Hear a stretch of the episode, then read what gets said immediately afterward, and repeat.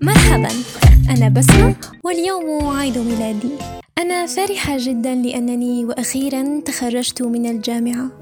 قبل أشهر من الآن كنت متخوفة ويائسة جدا لأنني سأبلغ الخامسة وعشرون. ولكنني اليوم أنا راضية ولله الحمد على ما أنا عليه. عندما نظرت إلى ورائي وعلى كل ما قمت به وجدت نفسي أنجزت الكثير. حصلت على العديد من الشهادات الأكاديمية وغير الأكاديمية. خضت الكثير من التجارب التي أكسبتني خبرات.